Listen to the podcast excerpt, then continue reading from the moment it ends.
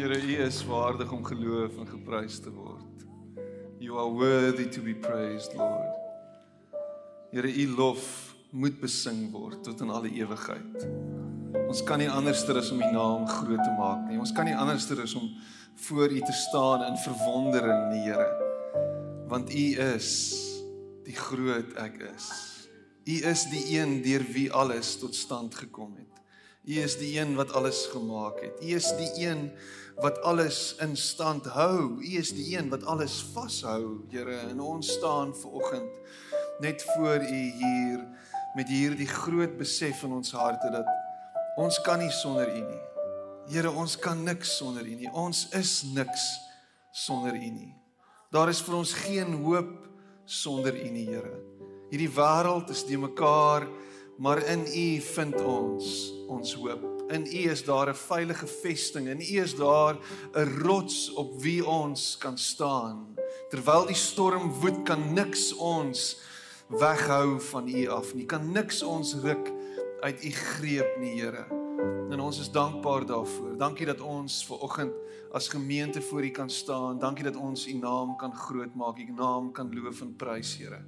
En dankie dat U hier is tussen ons, dat U beweeg deur die Gees en by elkeen van ons stil staan, met elkeen van ons praat, elkeen van ons herinner aan wie ons is, elkeen van ons herinner aan wat ons doel is en waarvoor ons hier is, wat U wil is en wat U deur ons wil doen. Nou in hierdie oomblik alle angs, alle vrees, alle onsekerheid, alle twyfel verdamp soos mis voor die môre son. En ons bid dit in Jesus naam. Dankie dat ons nou kan asemhaal in u teenwoordigheid. En ek bid dit in Jesus naam. Amen. En amen. Baie dankie, jy mag hier sit plek neem.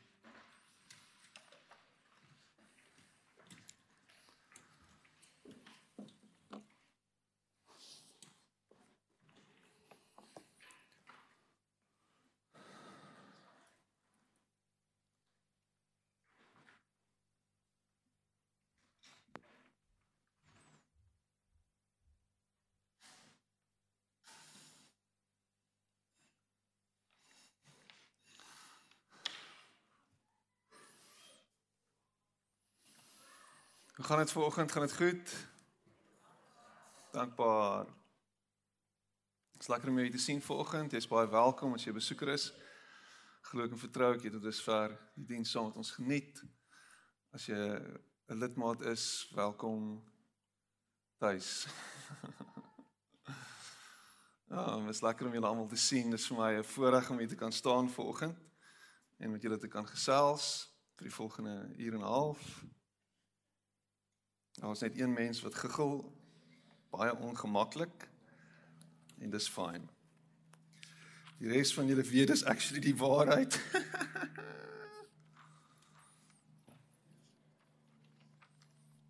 so waar is jou vreugde? Ek dink dis 'n is 'n belangrike vraag en dis 'n vraag wat ehm um, van toepassing is op ons as Christene oor die algemeen en veral die van ons wat lank op die pad is Um en ek weet dit is nie vir almal waar nie, maar wat baie keer gebeur is ons gaan deur sulke fases in ons geestelike pad, in ons geestelike die Engels sou wees journey met die Here, dat ons iewers langs die pad baie keer voel, jeg, maar hoekom doen ek dit?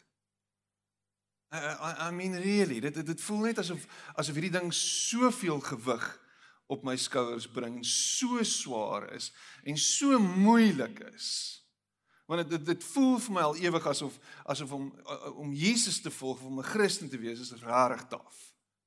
So so dit dit dit raak as ware hierdie groot burden wat ons met ons saam dra. En en en en skielik is dit so half daai aanvanklike gevoel wat jy gehad het, daai aanvanklike eerste liefde daai eerste liefdeservaring, daai eerste deurbraak waar jy 'n ontmoeting met die Here gehad het, waar jou geestelike lewe so geblom het en dit was produk uh, produktief gewees en vrugbaar en alles was amazing en nou skielik is dit so half man it's such a drag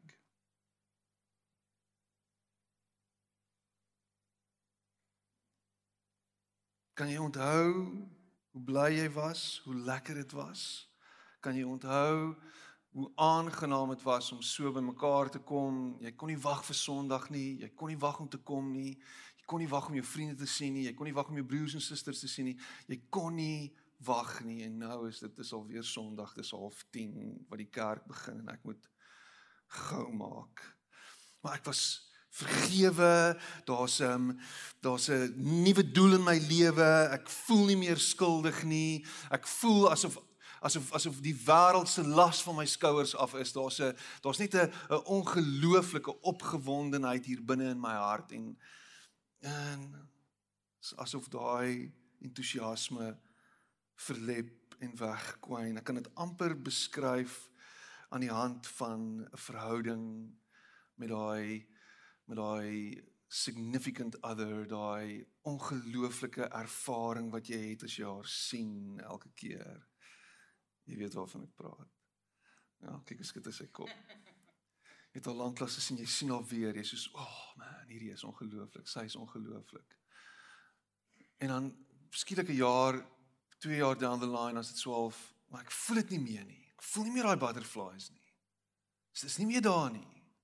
Eh, trouwens ek sien nou net 'n klomp ek sien ek sien ek sien foute raak, ek sien frustrasies raak. Hier's goed wat my irriteer.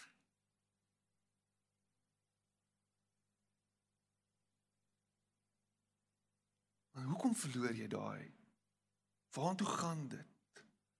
En ek dink in die konteks van ons verhouding met die Here kom Paulus en hy kom gee vir ons 'n baie mooi blik op wat dit beteken om 'n volgeling van Jesus te wees en hy kom herinner die gemeente in Galase aan hoekom hulle is wie hulle is. En nou bevraagteken hy hulle huidige stand van sake en miskien is dit vir oggend vir jou en vir my nodig om weer vir Paulus te hoor wanneer hy met die Galasiërs praat en wanneer hy hulle aanspreek in hierdie manier hoe hy dit doen. So Paulus kom en hier in Galasiërs 5 vers 1 sê hy vir hulle, hy sê Christus het julle vrygemaak. Hoor gou hier. Christus het julle vrygemaak. Daarom moet julle vry bly. En julle moenie dat ander mense julle weer slawe van wette maak nie kan dit weer sê. Christus het julle vrygemaak. Daarom moet julle vry bly en julle moenie dat ander mense julle weer slawe van wette maak nie. Die agtergrond is Paulus het 'n gemeente geplant. Hy kom in hier in die ou antieke Griekeland en hy plant hierdie gemeente en na 'n tyd gaan hy weg en wanneer hy terugkom dan sien hy iets gebeur. Die Judaiseërs, die verjoders het oorgevat.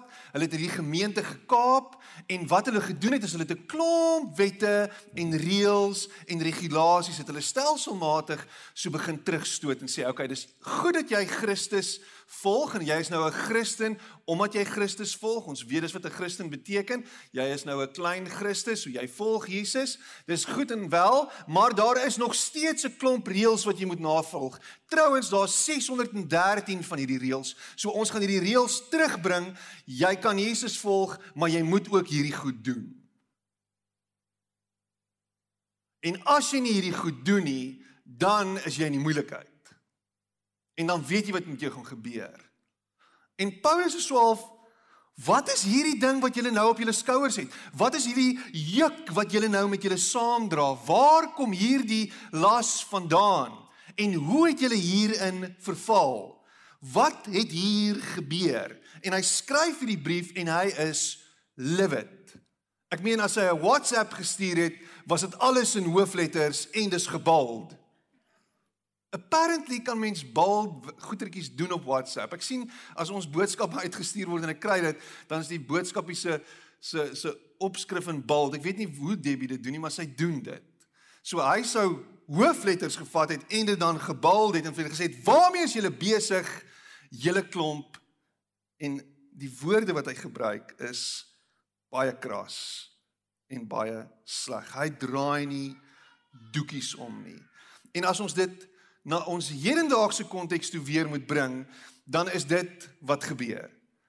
Daar is 'n stuk moralisme wat ingesypel het in die kerk en wat nou die evangelie vervang. So ons hoor die evangelie, ons hoor van Jesus, maar moralisme sypel in en sê, "Okay, let's replace this good news now that you are inside." En ons sê nou moet jy 'n klomp reëls volg. Now you have to obey the following rules and I can keep you busy with that all day long. Die kerk is vol reëls en vol regulasies wat jy moet nakom. En hier is 'n baie baie baie sterk waarskuwing vandag en dit is dat moralisme is nie die evangelie nie. Dit is nie die evangelie nie. Dit is nie die evangelie nie. Die evangelie maak jou vry, die evangelie maak jou los, die evangelie maak jou lig, die evangelie gee jou hoop, die evangelie druk jou nie neer nie is nie besig om jou te beheer met 'n klomp reëls en met 'n klomp grense waarbinne jy moet beweeg en as jy wyk van hierdie reëls dan sal die volgende met jou gebeur. Moralisme sê die volgende: as jy dit doen, dan sal God dit doen. As jy hierdie ding doen, dan sal hy sy kant van die ooreenkoms nakom. Maar as jy nie hierdie ding doen nie, het jy dalk kanker, gaan soek die rede vir jou kanker. Het jy dalk finansiële probleme, gaan soek die rede daarvoor, want daar is 'n rede daarvoor. Gaan soek die feit dat jou besigheid besig is om te misluk, gaan kry dit by die feit dat jy nie besig is om die reëls na te kom nie. Gaan kyk na jou verhoudings wat ons skerwe lê, gaan sien en gaan soek die rede hoekom dit die waarheid is. Dis definitief in jou bloedlyn. So as dit nie jy is nie, dan sit jou pa of jou ma of jou oupa of jou ouma en nou sit jy met die gebakte pere. En dit my dierbare broer en dit my dierbare suster is nie die evangelie nie. Luister wat sê Galasiërs 1:6 en ek lees uit die die Afrikaanse ehm um,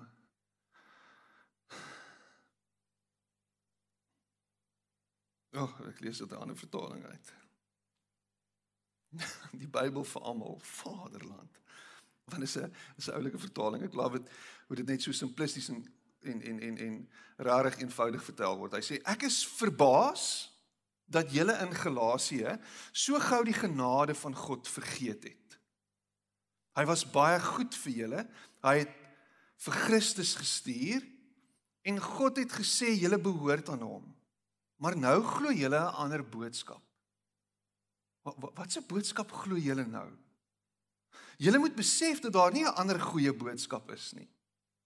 Die mense daar by julle wat vir julle 'n ander boodskap leer, maak julle de mekaar en hulle maak die goeie boodskap van Christus vals. Man. Die boodskap wat julle aanhang is nie meer die goeie boodskap nie. Dis nie meer goeie nuus nie. Die moralisme wat voorgehou word is nie goeie nuus nie. Daar's niks goeds daarin nie. Dit dit dit dit bring 'n beklemming op jou bors. Dit druk jou in die nag hier om jou keel en dit laat jou voel en dit herinner jou daaraan dat jy nooit goed genoeg gaan wees nie. Dat jy dit nooit gaan maak nie. Dat jy altyd tekort gaan skiet. Dat jy altyd that you always will be falling short of the glory of God. En dit is ons realiteit. Jy het nie nog 'n klomp reëls en regulasies nodig om dit huis toe te dryf nie. Dit is dis redundant, dis nie van toepassing nie. It's like a parrot, not applicable. Iemand wat lag, iemand? Casper de Vries. Man. Maar as lokvalle wat die duiwel gebruik en ek glo hy gebruik dit om my en jou van die waarheid af te laat dryf. Daar's drie lokvalle. Ons gaan nou daarby kom. Ek en my vrou is getroud nou hierdie jaar vir 18 jaar. Ehm um, ons is al 18 jaar getroud en ons sal aan die einde van die jaar so ons Oktober 24 is ons 19 jaar getroud wees. En um I mean it's it's just such a joy and it's amazing. Alles is dis is elke dag is net vreugde en blydskap. Come on. is net amazing. Wel vir my in elk geval. maar maar hier's die ding. Daar's 'n klomp reëls binne in 'n huwelik. Ek weet nie of jy weet waarvan ek praat nie. Daar's reëls in 'n huwelik. En ek meen voordat jy trou dan dan trek jy 'n kontrak op. En die kontrak het 613 reëls. Jy sal dit doen en jy sal dit doen en jy sal dit doen en jy sal dit doen en jy sal dit doen en jy sal dit doen en jy sal dit doen. Is dit hoe 'n huwelik werk? Ons 'n klomp reëls in 'n huwelik. En as ek my lewe aan haar beloof het, as ek trou aan haar beloof het, dan het ek trou net aan haar beloof. Dan is daar nie ruimte vir derde en vierde partye nie. Dan bly ek by die huis saam met haar. Ek lewe saam met haar. Ek bou my lewe saam met haar. Binne in hierdie huwelik is daar reëls. Sal ek vir haar sorg en vir haar omgee? Sal ek mooi met haar werk en met ons kinders? Daar's 'n klomp reëls binne in hierdie huwelik. En is hierdie reëls daar om my elke dag van my vreugde te beroof? Nee, dit is net spontaan besig om te gebeur. Ons is net spontaan besig om vir mekaar te leef en na mekaar toe te leef. Hierdie reëls is nie besig om my van my vreugde te beroof nie. Ek wil in verhouding met haar wees, sy wil in verhouding met my wees. Ons kinders wil sien dat ons lief is vir mekaar en binne in hierdie verhouding lewe ons totaal en al vir mekaar. Binne hierdie raamwerk binne bepaalde raamwerk van reëls binne in die huwelik. En, en ek wonder as ons gaan kyk en die beeld gebruik en laasweek het ek gepraat van God is ons vriend en dis 'n dis 'n massive ding dit het my heel week beet gehad in in in my gegryp en my geworstel en ek het geworstel daarmee. En en en nog iets wat wat bykom is is as Jesus die bruidegom is, dan is ons sy bruid en dan is daar hierdie huweliksverhouding. En dan beteken dit ons is besig om vir mekaar te lewe en na mekaar toe te lewe en binne in dit is daar 'n klomp reëls.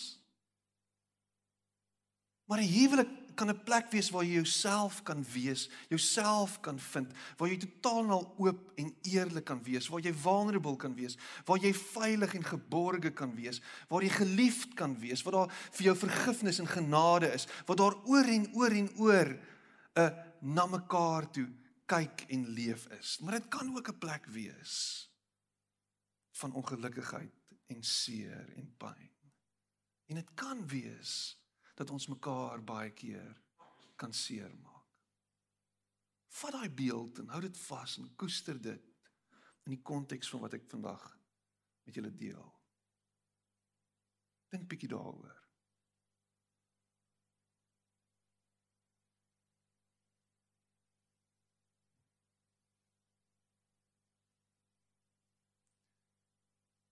Ons drie vreugde diewe binne in hierdie verhouding met Jesus. En Paulus praat daarvan.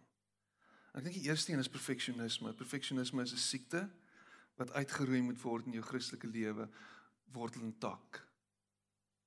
Want jy gaan nooit perfek kan wees nie. Jy gaan nooit alles perfek kan doen nie.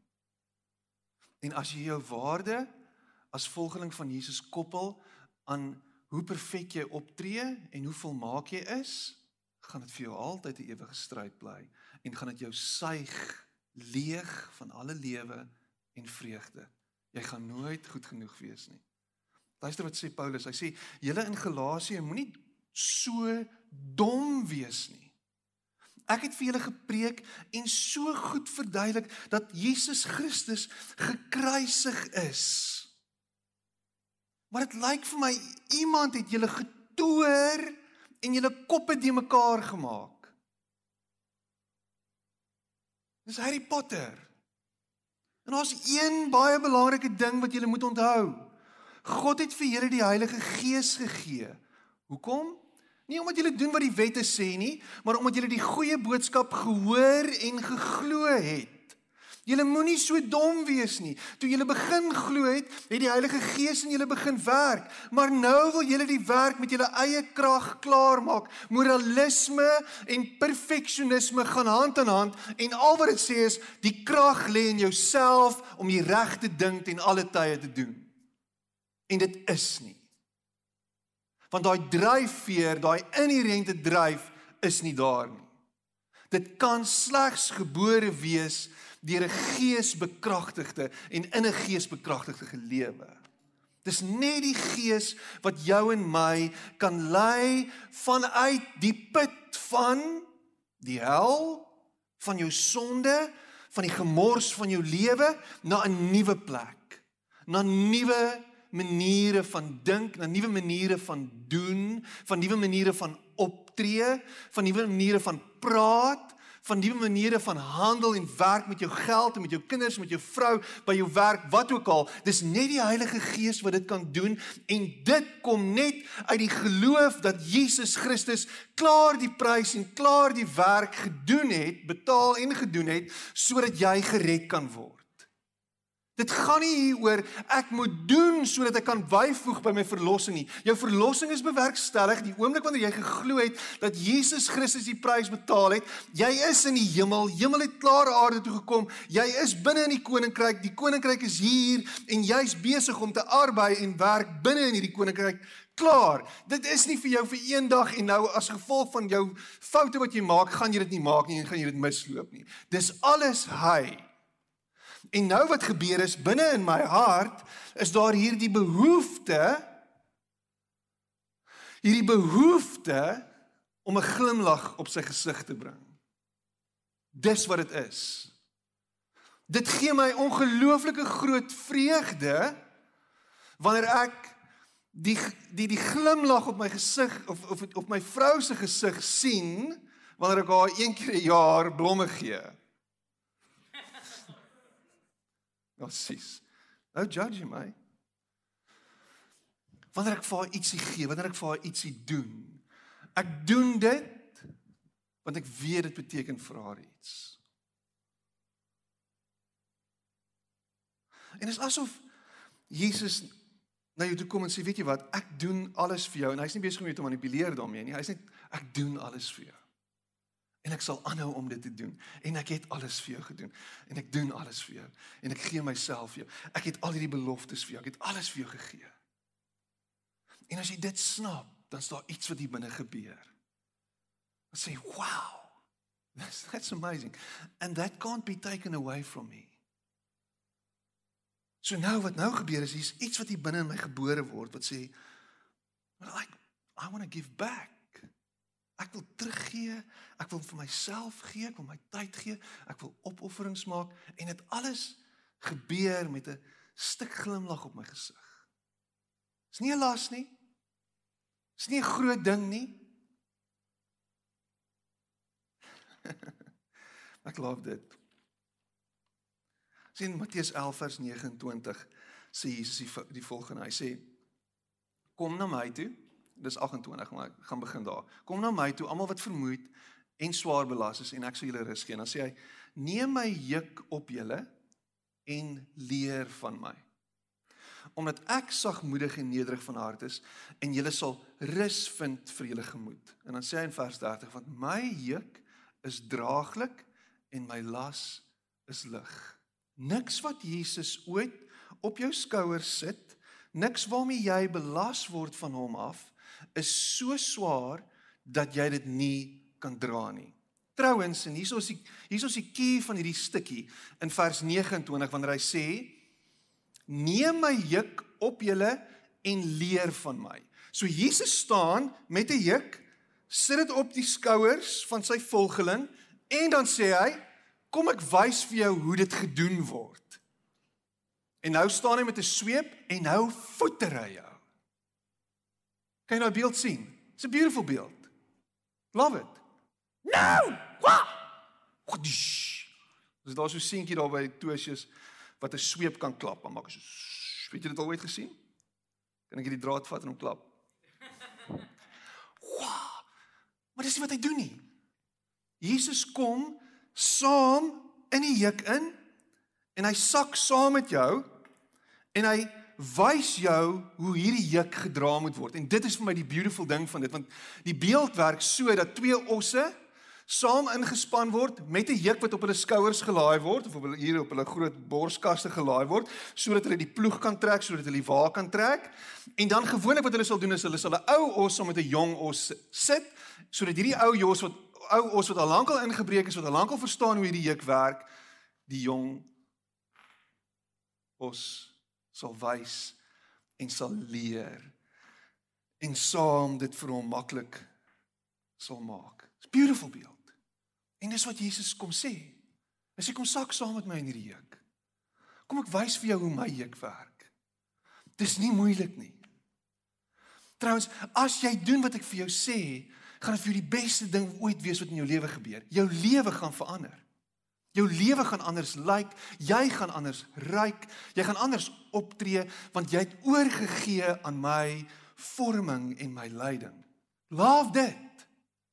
Dis nie net 'n klomp dooie reëls wat die fariseërs neergen afgedwing het op hulle volgelinge nie 613 van hulle by the way daar's deesdae net 320 want die tempel is afgebreek so daai ander 293 sien nou van toepassing not applicable parrot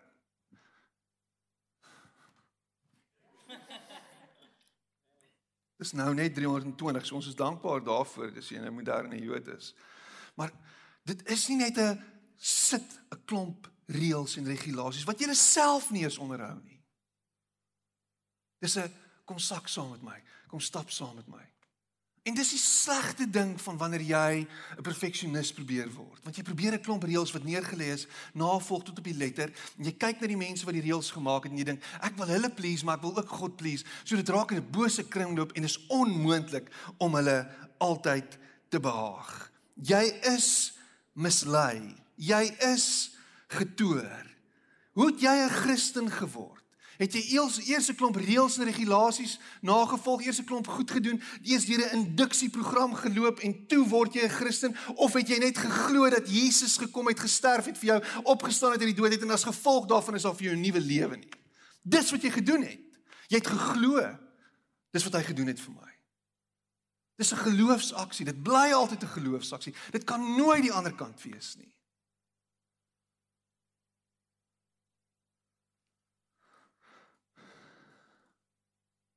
Jy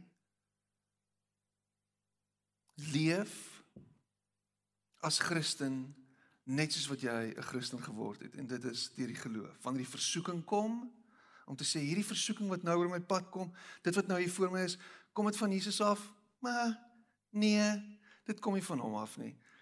Gaan ek gaan ek reageer op hierdie impuls? Gaan ek doen wat hierdie ding vir my nee gaan nie. Dis nie waar die lewe gaan nie. Lewe saam met Jesus gaan nie hier hoor nie. Gaan ek hierdie wrok in my hart hou teen my broer of my suster? Uh nee, dit moet te werd nie. Dit maak my seerder as wat dit haar maak of hom maak. So ek gaan vergewe. Uh al die geld wat ek het, is dit net myne? Uh nee.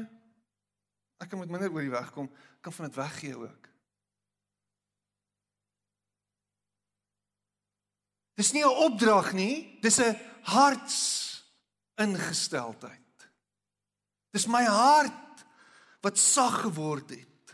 Daai hart van klip wat vervang is met 'n hart van vlees deur Jesus toe hy jou gered het.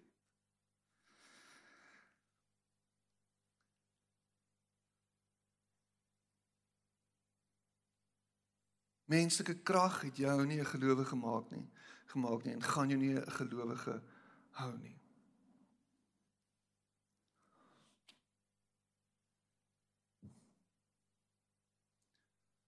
Voel jy vermoeid en belas? Voel jy dis te veel vir jou? Voel jy jy kom nie die mas op nie? Voel jy jy kan nie al hierdie goeders nakom nie? Voel jy jy bid nie genoeg nie? Voel jy jy lees nie genoeg nie? Voel jy jy verstaan nie goed genoeg nie? Voel jy jy is nie goed genoeg nie? Voel jy jy jy jy jy's jy's nog steeds verstrengel in 'n klomp goed? En ek weet nie hoe om daar uit te kom nie. Luister nou mooi vir my.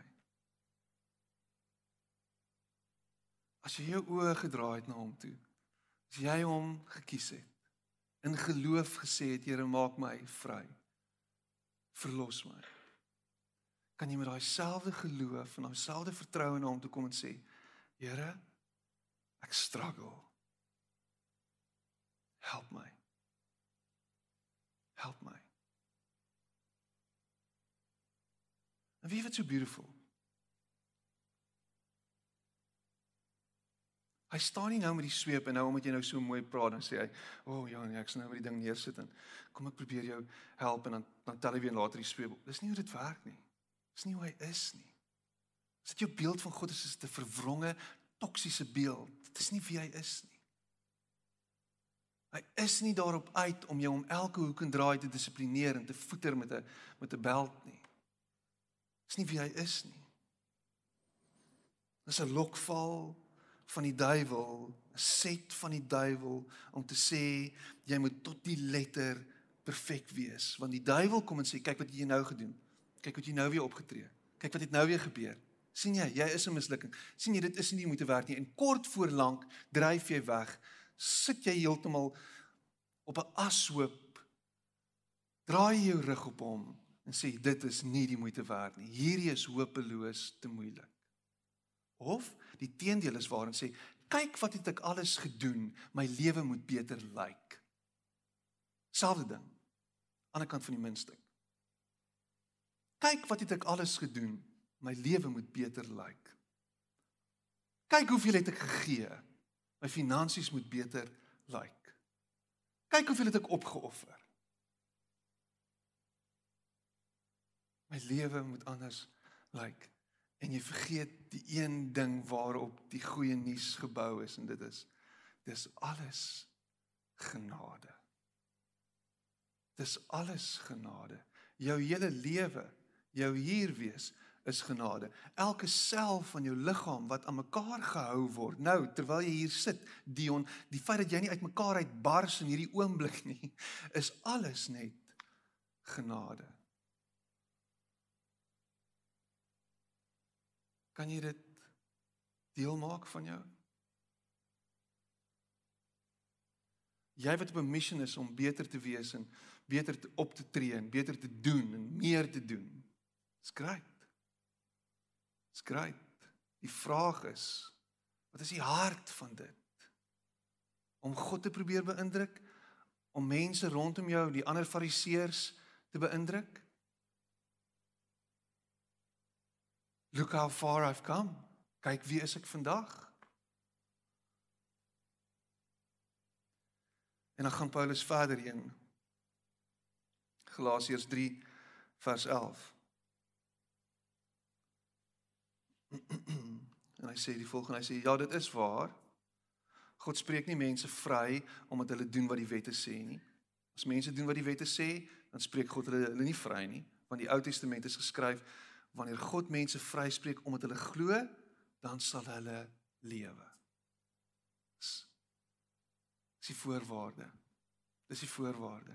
Glo en jy sal lewe. Met ander woorde, glo dat hy jou sal red. Glo dat hy lief is vir jou. Glo dat daar genade is vir jou en jy sal lewe. Ek kan nie, ek kan nie, ek kan nie. Kyk kyk hoe lyk my lewe. Kyk hoeveel geraamtes is in my kas. Kyk hoeveel katte is daar wat in die donker geknyp word. Kyk wat gaan aan. Kyk wat hoe lyk dit. O ek, ek kan nie. Dit is, is net te veel. Stap net weg. I'm not good enough. Ek het 5 A's gekry en 1 B en my pa sê vir my dis nie goed genoeg nie. Dis 'n beeld. Dis nie wat my pa met my gedoen het nie. Ek het nie 5 A's gehad nie. Ek het minder gehad.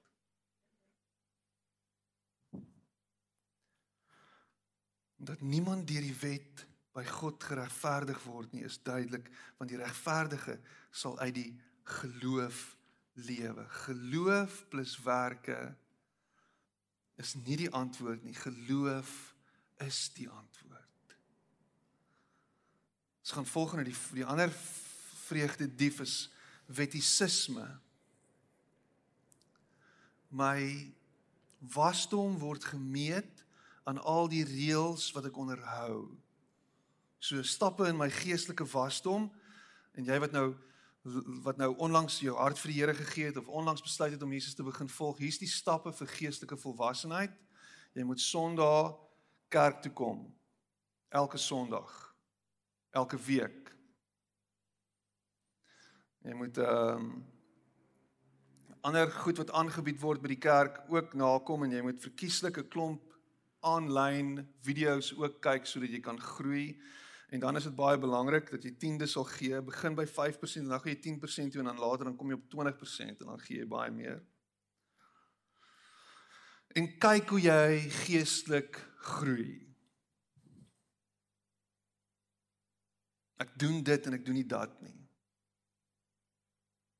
En so beoordeel ek my lewe. En so op grond van dit sit ek 'n klomp regmerkies agter my lewe.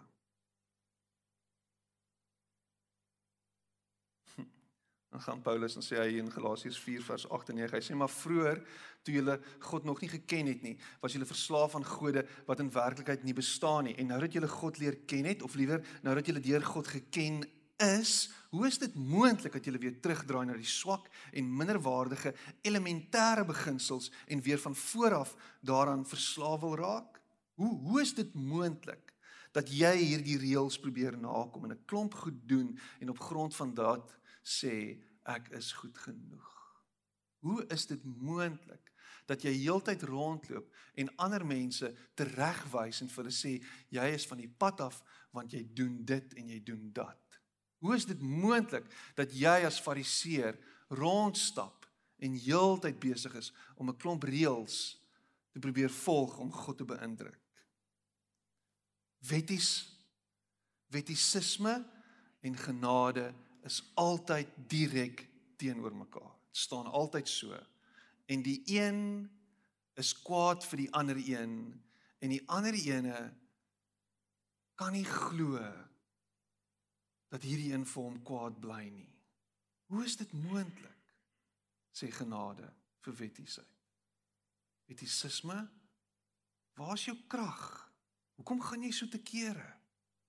Ek het alles gedoen. Ek hou alles vas. Dit gaan nie oor 613 nie. Dit gaan nie oor al die reëls nie. Dit gaan nie oor al die goed wat in die kerk kwansuis gedoen moet word nie. Dit gaan oor Die feit dat Jesus die prys betaal het. Die vrys die die die feit dat hy gekruisig is, die feit dat sy liggaam vir jou en vir my as offer gedien het. Die feit dat daar in hom vir jou en vir my vryheid gekoop is deur sy bloed wat gevloei het. Man, dis dis dis dis diep. Wat het met julle gebeur, sê Paulus? Wat gaan aan met julle? En dan sê hy in vers 15, hy sê toe ek hierdie boodskap vir julle gebring het, was julle so bly daaroor gewees. Galasiërs 4 vers 15. Julle was so bly daaroor. Wat het nou van julle blydskap geword? Waarheen is dit? Dis opgeëet deur die Judaiseërs wat vir julle klomp goed op julle skouers kom lê het. Kom ek sê dit so. As jy by hierdie deure instap dan moet daar 'n vryheid en 'n ligtheid met jou saamkom. Dan moet jy hier inkom en sê, "Dankie Here dat ek al die goed van my skouers kan afgooi. Dankie dat ek myself kan wees, dat ek hiernatoe kan kom net soos ek is." En dat ek myself kan oopstel vir die beweging en die werking van u Gees sodat daai donker plekke in my hart wat nog nie blootgestel is aan die lig nie, ontbloot kan word voor u. Come search me, O God. Kom soek my hart, deursoek my hart en skyn die lig daar. Wys my, waar is dit waar ek nog moet groei? Help my. Leer my. So binne 'n huweliksverhouding is dit die plek waar jy die meeste ooit sal groei. Want jou foute is daar glaringly vir almal om te sien. En 'n gesonde huwelik vat daai foute en sê kom ons probeer dat hierdie goeders nie die definisie is waar volgens hierdie huwelik gedefinieer word nie, maar dat hierdie goed aangewerk word. Ek kan nie meer dieselfde mens wees vandag as wat ek 18 jaar terug was nie. Ek het nou al gegroei. Ek sit soms my wasgoed in die wasgoedmandjie. Ek het gegroei. Ek hang baie keer my handdoek op. Ek het verander. En daar het iets hier binne in my hart gebeur.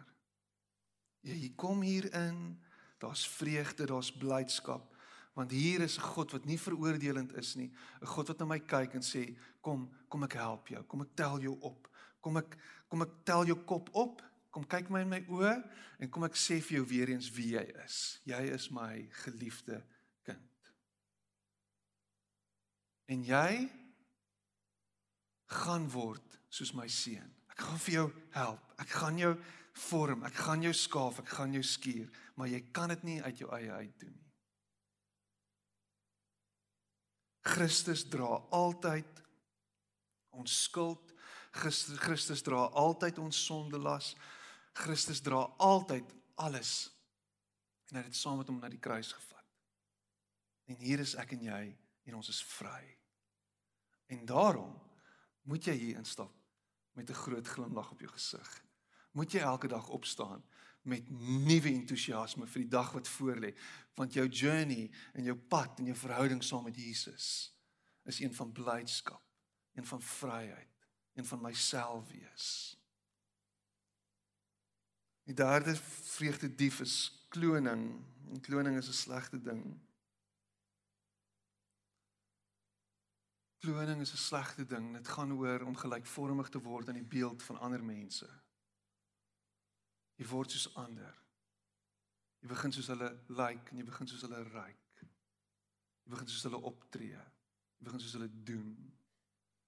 Jy word soos ander mense in steede daarvan dat jy soos Jesus word. So hier in Galasiërs 5 vers 7 tot 8 sê dan sê Paulus hy sê julle was so goed op pad. Wie het julle verhinder om die waarheid te gehoorsaam? Wie het julle omgepraat? Julle het so mooi aangegaan. Maar toe skielik toe word julle blootgestel aan ander se verwagtinge en julle word getransformeer deur die verwagtinge wat ander mense op julle plaas en julle wyk af van die oorspronklike mandaat en dit is soos om soos ek te word. Maar nou het jy 'n kloon geword van 'n Judaiseer en jy het begin om hierdie goeders te doen. Wie het jou laat val? Wie het jou getrip?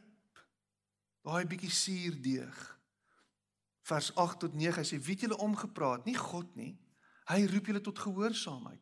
'n Bietjie suurdeeg deurtrek die hele deeg. En gehoorsaamheid kom uit 'n natuurlike tipe reaksie soos wat ek reeds gesê het op grond van die feit dat hy vir my lief is. Is daar hierdie behoefte by my om nie in spanning met hom te leef nie, om nie in spanning met sy beginsels en met sy gehoor, met sy reëls en sy juk en sy regulasies te wees nie. Ek wil juis doen wat hy van my vra. Ek wil juis elke dag 'n glimlag op sy gesig bring en opreg wees. So ek ek kyk na my kinders en ek sien hoe hulle verskillend is. Ek sien hoe hulle hoe, hoe verskillende goeters hulle hulle trigger. Sekere situasies sal sal sal Lise gans anders as Nina optree. Dis dis net dis fascinating om te sien. Hulle is ons albei se kinders, hulle kom uit dieselfde gene pool uit, maar hulle tree verskillend op. As jy hulle ooit al langs mekaar gesien het. Hulle is nie soos die ander een nie. Ons het rarig toe ons verliese gehad het, het sy van die begin af deur geslaap en dit was amazing geweest en dit ons vriende en sy wou nooit slaap nie. En wat het gebeur? Ons het presies dieselfde gedoen. Ons het dieselfde sleep training probeer, ons het dieselfde boek gelees, alles dieselfde gedoen sy was net van die begin af anders gewees. En ons moes ander metodes en metodiek volg om haar uiteindelik in 'n semi-staat van slaap te kry. Luister gou hierna. Jy kan nie wanneer jy net om dit terug te bring na ons kerk toe byvoorbeeld, ons gemeente. As jy nou 'n klomp ander mense sien rondom jou doen en en goedjies by betrokke wees. Moenie dit doen omdat ander mense betrokke is nie. Moenie gaan en sê okay, maar omdat jy nou betrokke is, nou wil ek ook betrokke wees nie. Dit moet gaan oor ek wil betrokke wees, ek wil help, ek wil deel wees omdat daar hier diep binne in my 'n behoefte is om 'n verskil te maak en die Here kan my gebruik op my manier soos wat ek is. Nie soos wat jy is nie, soos wat ek is. Ek het gou agtergekom in my bediening, ek's nou 20 jaar hierso, dat ander mense nie soos ek kan wees nie. Ek kan probeer om Matthys te forceer om goeders op my manier te doen. Dit werk nie. En ek kan baie keer kan ek kan ek rarig om om so probeer forceer of in 'n blik druk dat dat daar niks meer van Matthys is nie. Dis nou skielik Piet en dit maak nie sin nie. Dis nie hoe dit werk nie. Dis nie hoe Jesus werk nie. Hy kom en hy sê: "Wees jy jouself en doen jy wat jy kan doen en doen dit tot die beste van jou vermoë en kyk hoe dit werk." Jy nou vry van skuldgevoel, jy's vry van oordeel. Ons is onder God se genade. En ons hoef nie perfek te wees nie. Ons hoef nie soos ander te lyk nie. Ons kan net onsself wees. Ons kan net soos God optree. My lewe is genade. Dit bly genade en ek sluit af met die volgende. Hy sê Paulus sê, hy sê aangesien julle dus Christus Jesus die Here aangeneem het, bly leef in hom. Bly leef in hom. Met ander woorde, vind jou lewe en alles wat jy het en alles wat jy is in hom. Doen alles wat jy doen in hom. Kyk na hoe hy opgetree het teenoor ander mense en tree so op. Wees die een wat wanneer jy jou lewe lei altyd die onderste bokant van die koninkryk raak sien. Om altyd ander eerste te stel en nie net aan jouself eerste te dink nie. Om altyd te kom en te sê maar ek gaan met 'n oop hand leef. Om altyd te kom en en, en lief te wees vir jou vyande. Om altyd te kom en eensgesind te wees met almal rondom jou. En 'n spieël op te hou vir die fariseërs rondom jou. En kyk wat gebeur. Jou lewe in Christus is wat jy nodig het. En alles uit hom kom uit liefde uit en word aan jou gegee in liefde. Vat daai beeld van 'n angry God en skuif dit op sy. Vat daai beeld van 'n God wat 'n authoritarian is en vat dit en skuif dit op sy. Vat daai beeld van 'n God met oop arms wat sê kom na my toe, almal wat moeg en oorlaai is en omarm dit en kyk wat gebeur. Alles wat jy sal doen, sal vir jou vreugde bring en gaan jou bly maak en jou opgewonde maak. En daai vreugde wat jy verloor het, gaan jy herontdek, want jy ontdek weer van voor af wie hy is en wat hy is. En in dit wie hy is. Kom ons sit net so en dan gaan ons saam bid. Here ons is so bewus dat godsdiens ons kan neerdruk en dat godsdiens ons gevange kan hou. En ons kan so maklik verval as Christene in 'n in 'n godsdiens wat so gereguleerd is. Dat daar geen meer vryheid is nie, geen genade is nie, geen liefde is nie. Here, en dan mis ons U. En dan voel ons soos 'n klomp skape, klone, perfeksioniste wat net nooit goed genoeg is nie. Here, help ons om ons koppe op te tel en te weet dat in U is daar vir ons aanvaarding en liefde. Dankie dat U nie 'n moralisme kom tot stand bring het nie, maar dat die evangelie, die goeie nuus gebring is. En dit ons vrymaak en dit ons losmaak. En dit het U alles bewerkstellig deur die seun Jesus. Deur die sterf van 'n kruis. Here mag ons as kerk opnuut ons vreugde herontdek van volgelingskap van in dieselfde juk met U wees. Van 'n verhouding, 'n liefdesverhouding met U wees. Dat dit nie net 'n klomp checkboxies is nie. Maar dat dit 'n dinamiese verhouding met U is waar ons U stem kan hoor, waar ons kan praat, waar ons geborge is, waar ons geliefd is. Dankie dat ons weet by U is alles wat ons nodig het. En alles wat ons het, kom van U af, onverdienst. Dankie Here vir U groot genade. Ek prys U daarvoor. Amen.